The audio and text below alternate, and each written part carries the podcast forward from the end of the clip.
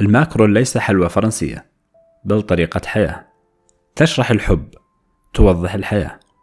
تلتبس بها الرائحة والمنظر والذوق والإحساس والتمازج المهيب في شوارع اللذة.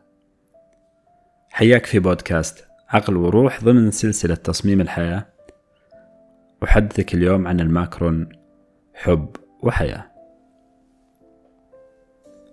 الماكرون الحلوى الفرنسية المشهورة. ملونة بكل ألوان الحب والحياة. هي عبارة عن طبقات. طبقة ثم كريمة ثم طبقة أخرى.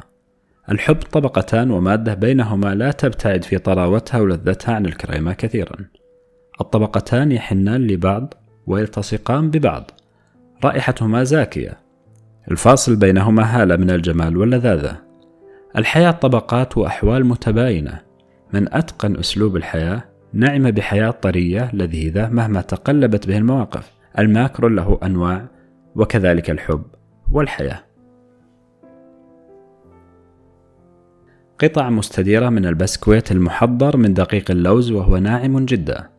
الحشوة بداخله تطل بكل لطف ولا تبقى مختبئة مما يفتح الشهية لتناول قطعة منه. كذلك في الحب غاياته الأولى ظاهرة طافحة. فاضحة لعين المحب. تنقل الماكرون بين البلدان بل يقال إن انطلاقته الأولى كانت من إيطاليا. في كل بلد يدخلها يأخذ لونا ونكهة خاصة وطريقة تحضير خاصة. كذلك الحب له تنويعات بحسب المدن والبلدات. الحياة ليست حياة واحدة بل متعددة المظاهر في كل بلد. ولكن يبقى دقيق اللوز والسكر وبياض البيض هو الميسم المشترك. وكذلك الحب. والحياة. لها متطلبات إن لم تكن أصلية موجودة كالثقة والأمان والاهتمام والاحترام لم يتبقى من الحب ولا الحياة شيء. ولكن بعض طرق تحضير الماكرون بلا حشوة. وكذلك الحياة قد تكون في بعض الأحيان بلا طعم. الحب قد يكون مجرد اسم حب فارغ حب ناشف أو من طرف واحد أو من طرفين لا يعرفان من الحب إلا الاسم وبعض الاهتياج العاطفي. إذا اقتربت الأعياد الفرنسية تسر الناظرين أقراص الماكرون الملونة الزاهية على البوتيكات وبعض الفترينات وتنفد من أكثر من محل حيث يكثر الإقبال عليها في هذه المواسم ويقدمها الناس لبعضهم كهدية فاخرة ويختلف سعرها بحسب مصدر تحضيرها والشيف المشرف على ذلك. ألوان ونكهات لايمون فستق لوز توت عليق عسل كراميل أنواع كثيرة تموجات كثيرة تنويعات كثيرة كذلك الحب وكذلك الحياة.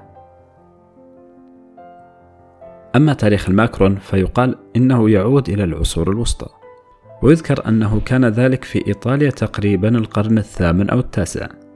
كانت تسمى سر الكاهن أو أزرار بطن الكاهن.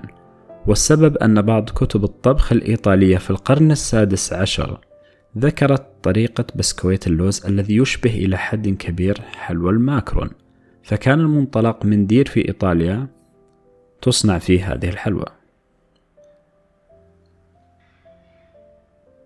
انتقل الماكرون إلى فرنسا عن طريق رهبان إيطاليين قدموا مع كاثرين ديميتشي عام 1533 عندما تزوجت من الملك هنري الثاني ملك فرنسا. عمل هؤلاء الرهبان طهاة الحلويات في القصر.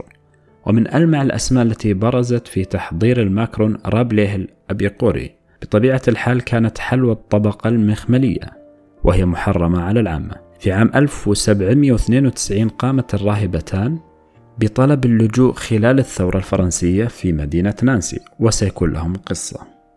قامتا بخبز وبيع الماكرون كوسيلة للإعالة وكان لهما دور فعال في جعل الماكرون مشهور وأصبحتا معروفتين في المنطقة باسم أخوات ماكرون واشتهرت الراهبتان في مدينة نانسي شمال شرق فرنسا بجلب هذه المعجنات اللذيذة إلى دائرة الضوء وحتى اليوم. تشتهر مدينة نانسي بمكرونها ولديها بالفعل متحف ماكرون مخصص للراهبتين. لم تعد حلوى الماكرون حكرا على أحد بل أصبحت متاحة للناس بعد الثورة. وبما أن الماكرون يشتمل على اللوز وبياض البيض رأى أحد اليهود أنها مناسبة لعيد الفصح لأنه يمنع على اليهود أكل أي طعام يحتوي على الدقيق فقام بتعريفها ليهود أوروبا. كانوا سبب في زيادة شهرتها. يذكر أن أشهر من عرف بصناعتها هي عائلة لادوغي وهي التي قدمتها بشكلها الحالي وهم أول من دمج فكرة المطعم والقهوة في فرنسا. فتاريخهم مع المعجنات والحلويات يعود للعام 1862 في عام 1890 قام هذا ال brand بإضافة حشوات جديدة للماكرون وبدأ بيير ديسفونتين ابن العم الثاني لمؤسس هذا ال brand, brand لادوغي اللي انتشر في العالم في حشو البسكويت بالزبدة والمربى والكمبوت. إلى الآن لادوغي واحد من أكثر المحلات شعبية لبيع الماكرون في باريس ولهم فروع في جميع أنحاء العالم. الماكرون صنع بحب وهو يشبه الحب. تلك الأقراص الصغيرة الملونة لا تراها إلا وتذكرت من تحب. رقة وعذوبة ولطف وبهجة وتاريخ شاق لحاضر يزداد إشراق. مع عذوبة الماكرون لا تنسى أن تزور حديقة التفاح فالتفاح له رمزية فواحة تضوع المكان بالحب والسعادة. اقترب قليلا وتناول منه. واحدة كنت معك في بودكاست.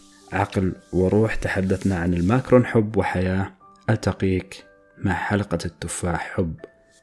وسعادة كن بخير.